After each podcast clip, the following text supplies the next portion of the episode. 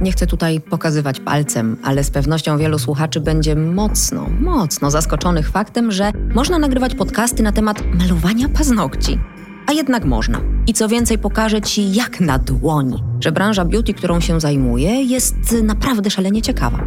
Nazywam się Paulina Pastuszak. Jestem zdobywczynią Pucharu Świata w nail arcie, autorką książek, publikacji akademickich i prelegentką branżowych kongresów, choć pewnie i tak bardziej kojarzysz mnie z roli złej policjantki w programie Kosmetyczne Rewolucje. W moich podcastach opowiem nie tylko o technikach modelowania paznokci, ale także w wielu aspektach prowadzenia własnego biznesu, które można wykorzystać także w innych dziedzinach. Przy czym gwarantuję, nie będą to bzdury wyssane z palca.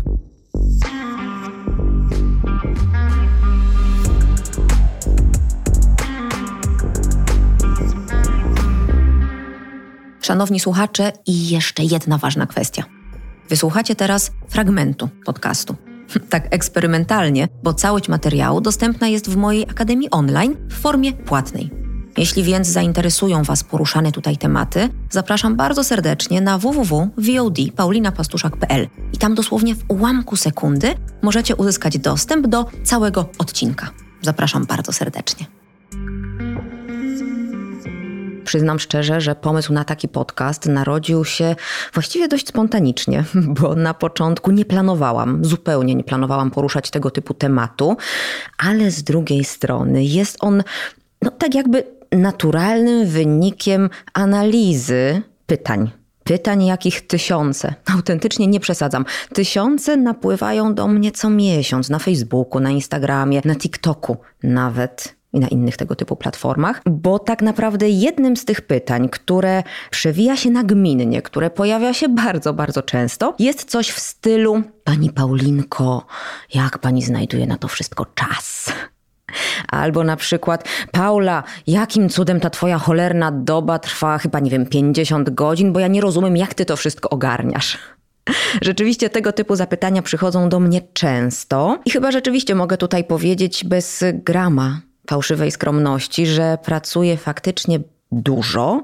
Chciałam powiedzieć bardzo dużo, ale ugryzłam się w język, nie wiem, słyszeliście to chyba. Pracuję dużo, ale sprawiam wrażenie, jakbym pracowała ekstremalnie dużo.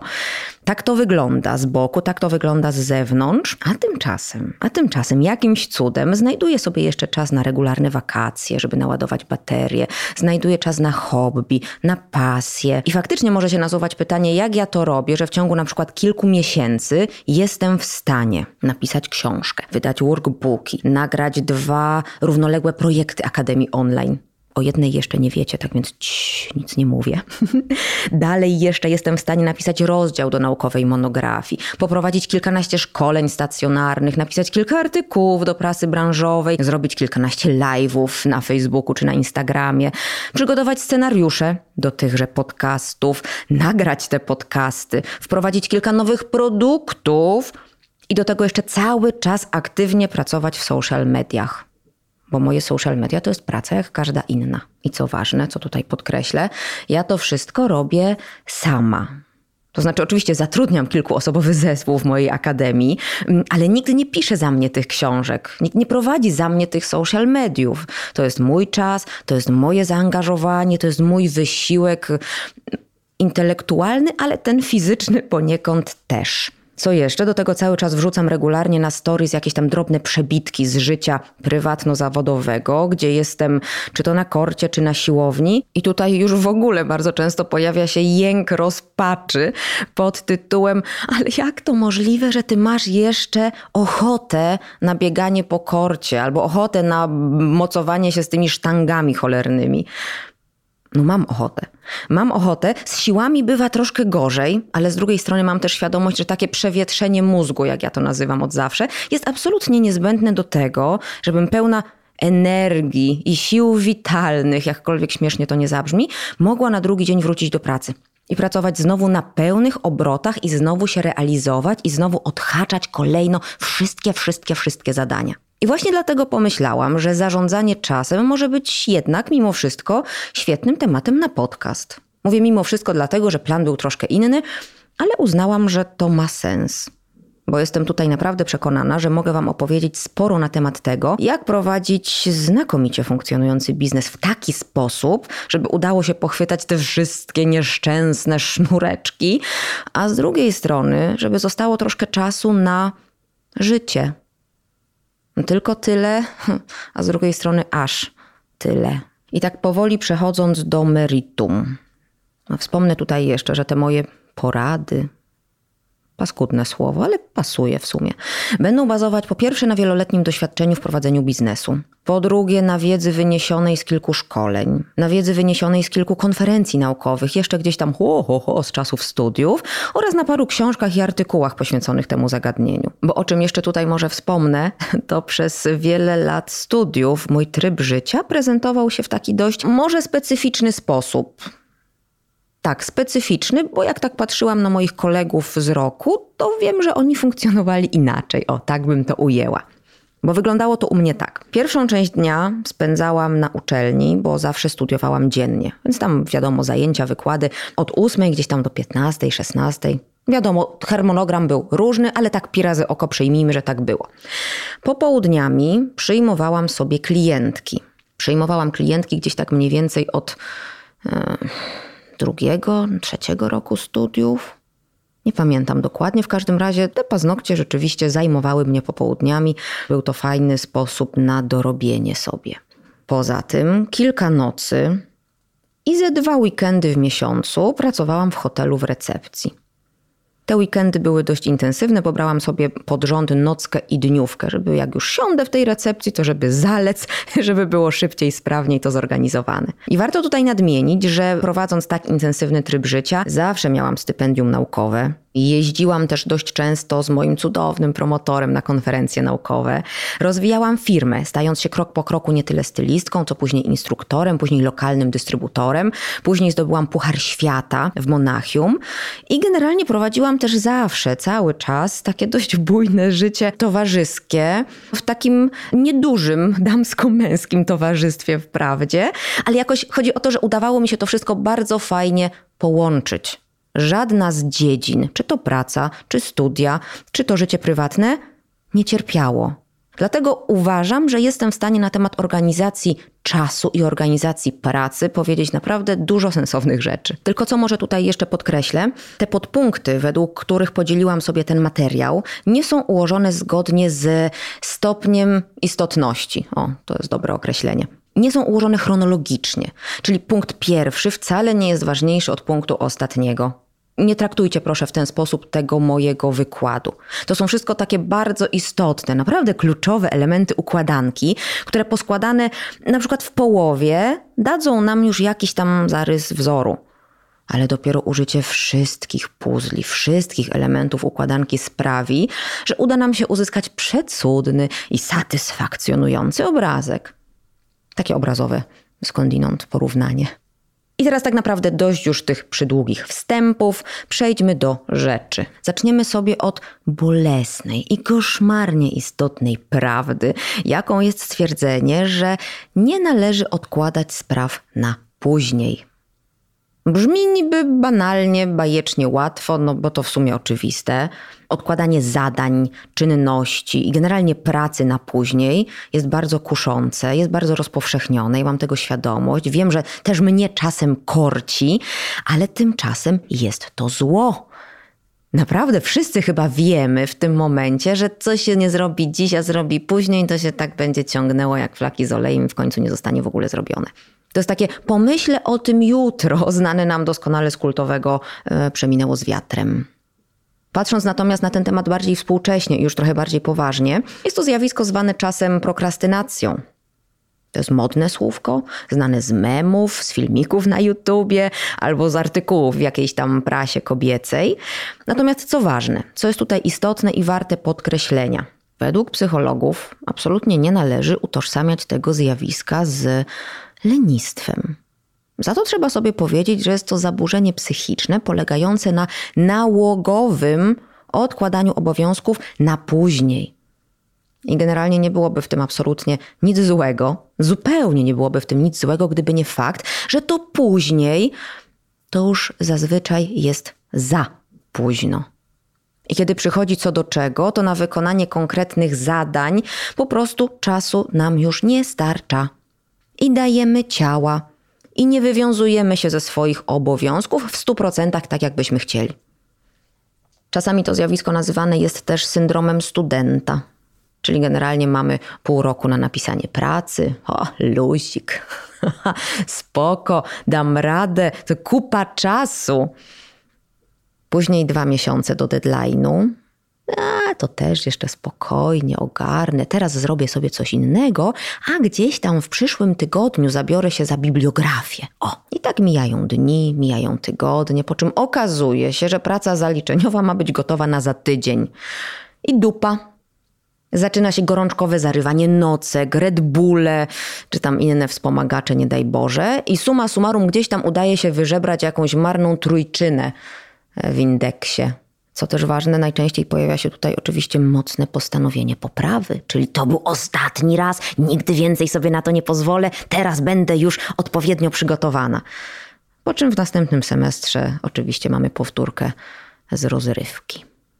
I przyczyn takiego stanu rzeczy jest dużo. To może być na przykład lęk przed odpowiedzialnością i uciekanie w odroczenie. Albo na przykład zbyt wysokie wymagania stawiane nam w dzieciństwie przez rodziców. Albo może to być na przykład perfekcjonizm, który sprawia, że ten nasz strach przed porażką każe nam odsuwać dane działania w czasie i wtedy możemy sobie wytłumaczyć, że no wyszło mi kiepsko, bo miałam mało czasu. Jakakolwiek jednak nie byłaby to przyczyna, to rozwiązania mamy właściwie dwa. Po pierwsze, będzie to znakomita organizacja czasu, o której właśnie sobie dzisiaj tutaj opowiemy. A po drugie, no może to być czasami wizyta u specjalisty, bo może się okazać, że tylko terapia będzie w stanie usunąć, zniwelować nie tyle tę przypadłość, co nawet przyczyny tejże przypadłości. I tutaj w tym kontekście z własnego doświadczenia powiem, że jako studentka dawno, dawno temu, owszem, też no parę razy uczyłam się na ostatnią chwilę. Oczywiście, że tak. Kłamstwem by było dramatycznym, gdybym powiedziała, że było inaczej. Ale mimo wszystko, zazwyczaj starałam się tak rozkładać sobie materiał do nauki, na konkretne dni, żeby te ostatnie, nie wiem, 24 czy 48 godzin przed egzaminem robić sobie już tylko powtórki. To była kwestia nawyku, to była kwestia przygotowania sobie planu nauki na daną sesję w taki sposób, żeby wszystko było fajnie poukładane. I ten dobry nawyk jakoś we mnie już tak został. No generalnie o to chodzi przecież w nawykach. Najpierw my tworzymy nawyki, a później nawyki tworzą nas. Czyli jeżeli coś nam się w naszej naturze ugruntuje, to później nie ma znaczenia, czy to są studia, czy to jest praca zawodowa, czy to jest ogarnianie domu te fajne nawyki w nas zostaną. I tutaj w tym przypadku organizacja czasu i organizacja pracy no jest genialnym przykładem. Bo co tutaj też mogę powiedzieć na swój temat, wybaczcie, będę tak bazować na sobie, to nienawidzę odkładania spraw na później. Nienawidzę. Jestem chora, kiedy musiałabym, albo kiedy tak gdzieś z tyłu głowy świta mi myśl, żeby coś odłożyć. Nie. Dopiero kiedy skończę porządnie zadanie, mogę przejść do kolejnego. Albo inaczej, dopóki nie skończę porządnie jednego zadania, nie ma u mnie też mowy o pełnym odpoczynku. No, to jest niestety kluczowe. Dlatego też od lat bardzo pilnuję, żeby ustalać sobie wakacje w pewien taki bardzo y, specyficzny, charakterystyczny sposób. Bo w pierwszy dzień, albo w dwa pierwsze dni, zależy, zawsze planuję sobie kompletną labę. Czyli żadnych szkoleń, bo ja bardzo często łączę wakacje z kursami zagranicznymi i wtedy zaczynam od szkolenia, a później mam urlop. Ale na początku żadnych szkoleń, żadnej, nie wiem, konnej wycieczki, żadnego zwiedzania dżungli, żadnej nauki nurkowania. Nie, nic z tych rzeczy. Pierwszy dzień lub dwa spędzam w taki sposób, że siedzę przed komputerem i kończę załatwiać sprawy, których po prostu nie zrobiłam bo nie zdążyłam, bo, bo, nie dało się ich zrobić, bo nie miałam na to czasu, albo wyskoczyły nagle, albo też planowałam je rzeczywiście zrobić już na miejscu, w miłym otoczeniu. Bo też umówmy się, zupełnie inaczej pracuje się w biurze, albo zupełnie inaczej pracuje się w domu, przy biurku, w gabinecie, niż pod palemką w hamaku. I rzeczywiście czasem niektóre zadania zostawiam sobie na ten pierwszy dzień, żeby zrobić je w miłym otoczeniu. I taki jest plan bo ja nie jestem pracocholikiem jeszcze, mam nadzieję, że nigdy nie będę, ale nie włączę na wakacjach trybu urlop, dopóki nie skończę wszystkiego, co jest do zrobienia. I uważam, że jest to genialny sposób takiego pracowypoczynku, bo w momencie, kiedy rytualnie zamknę już komputer, mam totalnie czystą głowę. Mam wtedy rzeczywiście prawdziwy urlop i mogę się genialnie i prawdziwie zresetować, a nie myśleć o tym, że w samolocie powrotnym muszę jeszcze szybko zrobić to, to, to, to, wysłać podcast, wysłać dwa artykuły do gazety, które rzeczywiście pewnie szybko też napiszę na kolanie na lotnisku. Nie. Najpierw praca, a później przyjemności. Jakby ktoś mnie spytał o jakiś jeden konkretny klucz do sukcesu, to chyba bym na pierwszym miejscu albo gdzieś tam w czołówce postawiła właśnie dobrą organizację pracy i przedłożenie obowiązków nad odpoczynek. Ale, ale żebyśmy się dobrze zrozumieli, Broń Boże, nie chodzi o to, żeby zaharowywać się na śmierć i żeby rezygnować z odpoczynku. Po prostu chodzi o to, że jeżeli będzie to odpoczynek, to ma być pełnym odpoczynkiem, a nie gdzieś tam z tyłu głowy zanalizowaną cały czas listą, co jeszcze nie zostało zrobione. Że niby sobie leżę na plaży, ale cały czas analizuję, ile jeszcze wieczorem powinnam rzeczy odbębnić, żeby rzeczywiście firma mi się nie zawaliła. No. Ma to naprawdę duże znaczenie i mam w tej materii wieloletnie doświadczenie, więc daję głowę, że tak to powinno wyglądać. I oczywiście tutaj będzie się liczyć niestety żelazna konsekwencja i motywacja. Bo musimy sobie po prostu założyć, że jeżeli w kalendarzu jest napisane, że w piątek przygotowujemy stories na najbliższe cztery dni, to to robimy. Choćby się waliło, choćby się paliło, to po prostu to robimy. I nie ma znaczenia, że ból głowy, że migrena, że przysypiamy, że zmęczenie, że serial dzisiaj miał być oglądany z misiem na kanapie. Nie, to nie ma znaczenia. Po prostu robimy to, co było w planach. Koniec i kropka. Wyobraźcie sobie, że stoi nad wami jakiś szef, albo jakiś profesor, albo jakiś promotor z palcacikiem, z batem w ręku i was pogania zamykamy oczy i robimy to, co było do zrobienia. Nie ma usprawiedliwień, nie ma wymówek, nie ma tłumaczenia się sama przed sobą. No, zmęczona jestem, może zrobię to jutro. Nie. To, co masz wpisane w kalendarzu, robisz. Robisz wedle harmonogramu. Uznajesz to za świętość.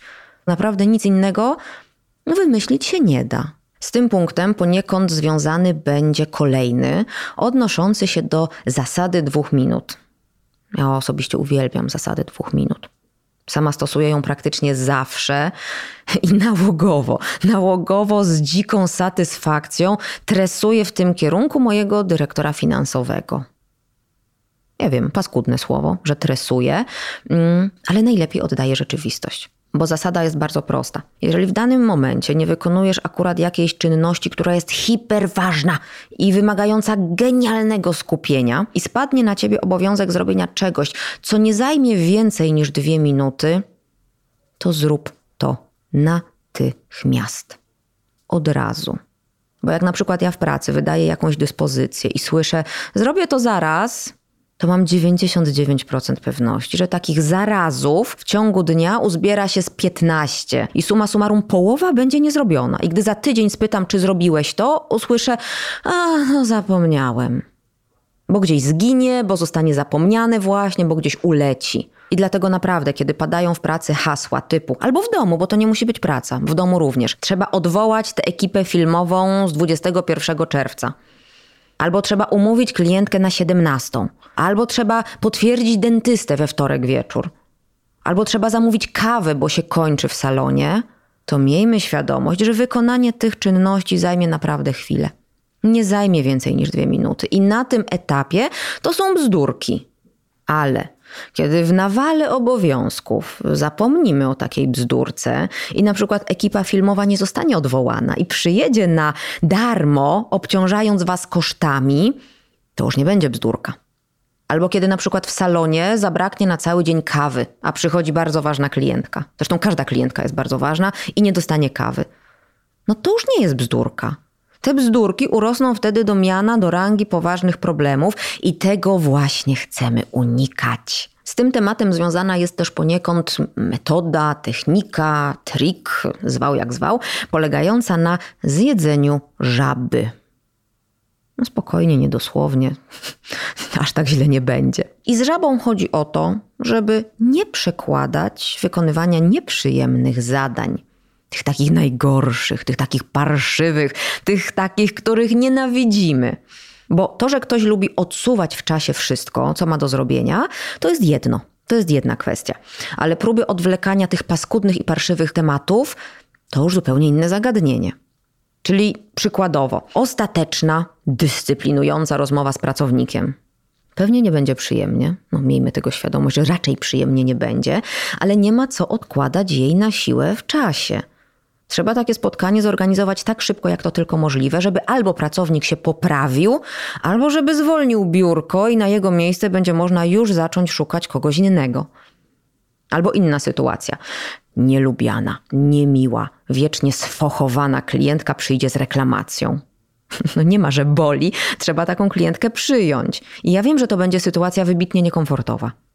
Ale lepiej mieć ją już z głowy, jak najszybciej. Lepiej zjeść tę cholerną żabę, bo inaczej wizja tego nieprzyjemnego zdarzenia zatruje nam po prostu życie na dzień, na dwa, na siedem. No zależy od sytuacji. Dlatego tego typu spotkania, tego typu klientki umawiamy jak najprędzej. W przeciwnym razie ta wizja zatruje nam życie, rozwali dzień, pozbawi energii, pozbawi motywacji, zabierze cały dobry humor, wyssie z nas pozytywne nastawienie do życia nieprzyjemne sprawy, trudne klientki, ciężkie zabiegi, zawsze warto sobie odhaczać w związku z tym, moim zdaniem, z samego rana. Bo skrócimy stres i jak najszybciej odhaczymy to parszywe zdarzenie, i później będzie już z górki.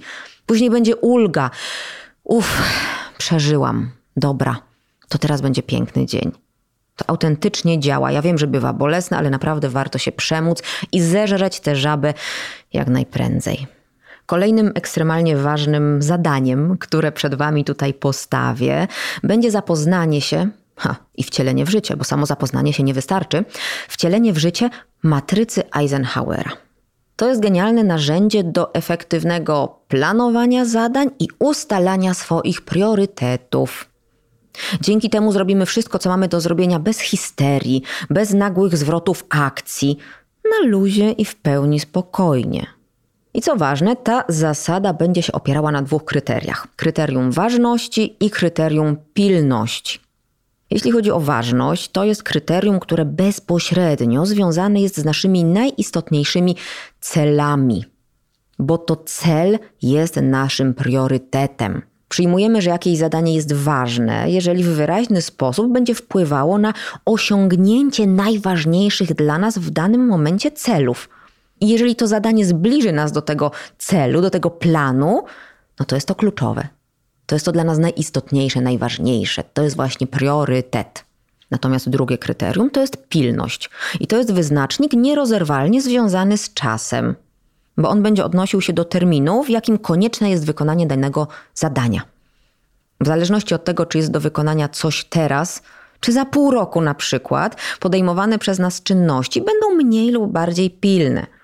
I tutaj trzeba koniecznie podkreślić, że pilne sprawy najczęściej niestety stanowią dla nas źródło stresu, bo wymagają rzucenia wszystkiego w kąt i natychmiastowego działania. I teraz w praktyce, jak ugryźć tego Eisenhowera? Zwłaszcza w podcaście to może być trudne, bo trzeba sobie pewną rzecz wyobrazić i sensownie zwizualizować. Bo matryca Eisenhowera to jest kwadrat podzielony na cztery ćwiartki. I ten kwadrat podzielony na cztery równe, takie same ćwiarteczki pomoże zarządzać sobą w czasie, jeżeli tylko ocenimy, jeżeli tylko ustalimy, co w naszym działaniu jest najważniejsze i jakie sprawy wymagają od nas takiej hiper dobrze zaplanowanej aktywności. I w zależności od tego, w jakim stopniu jakaś sprawa jest pilna lub ważna, można wyróżnić cztery możliwości, które określają, w jakiej kolejności będziemy zadania wykonywać. I teraz wyobraźmy to sobie, a najlepiej weźcie kartkę, weźcie ołówek, długopis, narysujcie sobie duży kwadrat. Narysujcie duży kwadrat, przedzielcie go kreską wzdłuż, kreską w poprzek, tak żeby powstały cztery małe kwadraciki. I teraz w lewym górnym rogu mamy ćwiartkę pierwszą i to są sprawy pilne i ważne. W prawym górnym rogu mamy ćwiartkę drugą i to są sprawy niepilne i ważne. W ćwiartce dolnej lewej mamy sprawy pilne i nieważne, to jest trójeczka. I czwórka w prawym dolnym rogu sprawy niepilne i nieważne. I teraz omówmy sobie każdą ćwiartkę, ponieważ to jest naprawdę mega ważne, mega fajne narzędzie. Ćwiartka pierwsza, czyli sprawy pilne i ważne, to są kwestie kryzysów, spraw nagłych, zadań, które mają upływającą datę realizacji i najczęściej ta data realizacji upływa akurat właśnie w tym momencie. Czyli to jest po prostu gaszenie pożarów. To są sytuacje alarmowe. I problem polega na tym, że jeżeli realizujemy zadania z tego obszaru, to to rzeczywistość będzie dyktowała nam, co mamy zrobić. Nie my. Nie my będziemy kontrolować to, co się dzieje. Nie my będziemy decydować o rozwoju sytuacji. To rzeczywistość będzie dyktowała swoje warunki i to jest wielkie zło. Przykłady? Proszę bardzo. Gdzieś tam była świadomość z tyłu głowy, że trzeba zapłacić rachunek za telefon, no ale jakoś tam, no tam zeszło, zeszło. Nie chciało nam się zapłacić tego rachunku za komórkę w salonie, no i odłączyli nam telefon. I teraz nagle w ciągu tego jednego dnia trzeba rzucić wszystko, odwołać klientki, czym prędzej jechać gdzieś tam do salonu, żeby szybko na miejscu zapłacić, żeby nam ten telefon odblokowali. No taki przykład, no pierwszy z brzegu. Albo na przykład odkładałyśmy w czasie przegląd klimatyzacji. No bo była jesień, była zima, była wiosna, pogody pięknej nie było, klima gdzieś tam sobie leżała odłogiem, po czym nagle przyszły upały. Przyszły nagle upały, włączamy klimę, a ta rzęzi, dyszy, nie wiem co jeszcze klima może robić, buczy i generalnie grzeje zamiast chłodzić. No i przychodzi klientka jednego dnia, znaczy klientki przychodzą jednego dnia, drugiego dnia, pot się leje po plecach, żele spływają, kleje nie kleją. Masakra, no bo serwis y, klimatyzacji może przyjechać owszem, ale za 7 dni. No i nagle trzeba dzwonić, szukać nowego serwisu, może przesuwać klientki, bo pewnych zabiegów w upale zrobić się nie da. No i mamy kryzys, mamy alarm. Mamy sytuację trudną do ogarnięcia. A wystarczyło umówić pana od klimatyzacji w marcu, kiedy nie było jeszcze problemu. No i takich sytuacji naprawdę mogłabym mnożyć. Takich sytuacji mamy wszyscy, oczywiście, że wszyscy, na koncie bardzo dużo, niezależnie od tego, czy jest to życie prywatne, czy jest to życie zawodowe, a można ich było uniknąć. I o tym powiemy sobie za chwilkę. Natomiast teraz ćwiartka druga. Sprawy niepilne i ważne. Do tych spraw generalnie staramy się podchodzić systematycznie, planowo i zakładamy, że mogą być rozciągnięte w czasie. Przykładowo będą to kwestie związane z budowaniem związku, z budowaniem relacji biznesowych, z dbaniem o zdrowie, takim szeroko pojmowanym, z własnym rozwojem osobistym czy zawodowym, z planami rozwoju firmy, z odpoczynkiem i relaksem poniekąd też. To są kwestie z zakresu, można powiedzieć, porządkowania przyszłości. To brzmi bardzo ładnie i te działania są absolutnie kluczowe dla naszej skuteczności i realizacji zadań bez presji. Bez tego stresu charakteryzującego ćwiartkę pierwszą. Czyli przykładowo, mamy comiesięczne spotkania z księgową, żeby sprawdzić na bieżąco, co tam słychać w dokumentach, co tam słychać w papierach i naszych finansach. I tego się trzymamy. Ale czy to będzie 7 lipca czy 8 lipca, to już większego znaczenia nam nie zrobi. Albo na przykład podsumowanie obrotów, jak zwykle do 10 każdego miesiąca. To musi być rytuał, to musi być reguła. Albo na przykład sytuacja z życia codziennego, odwlekanie wizyty u dentysty. Czyli wiemy, że gdzieś tam powinna być zaplanowana, wiemy, że kontrola powinna się odbyć, ale ponieważ nie boli, to odkładamy to gdzieś w czasie, odkładamy, odkładamy. Po czym przychodzi jeden fatalny dzień, kiedy ten ząb ma ochotę chyba wyrwać się ze szczęki. No po prostu jest dramat, tragedia, koszmar, boli jak cholera, żadne leki przeciwbólowe nie pomagają. No i co? Trzeba odwołać klientki i jechać prawie że na sygnale po ratunek a wystarczyło tej wizyty u dentysty nie odwlekać, odbębnić ją w swoim czasie. No, prosta rzecz, oczywista niby rzecz, ale pozwala lepiej panować nad swoim życiem i nad swoim kalendarzem. I w tym momencie pozwólcie, kochani, że przerwę nam te rozkoszne rozważania. Dalsza część materiału dostępna jest bowiem w mojej akademii online na www.vod.paulinapastuszak.pl. Bez obaw, spokojnie, proszę się nie martwić. To dosłownie kilka kliknięć traficie na pewno, bez większych problemów. Bardzo dziękuję, że jesteś tutaj ze mną. daję sobie rękę uciąć, że znasz kogoś, kogo również zainteresują poruszane w tym podcaście tematy. Będzie mi bardzo, bardzo miło, jeśli podasz mu pomocną dłoń i udostępnisz ten odcinek. Po więcej nowinek z zakresu branży beauty i budowania własnego biznesu zapraszam do moich profili w serwisach takich jak YouTube, Facebook, Instagram, TikTok i LinkedIn. Zobacz też koniecznie ofertę mojej Akademii Online na www.paulinapastuszak.pl. Do wyboru, do koloru, każdy znajdzie coś dla siebie.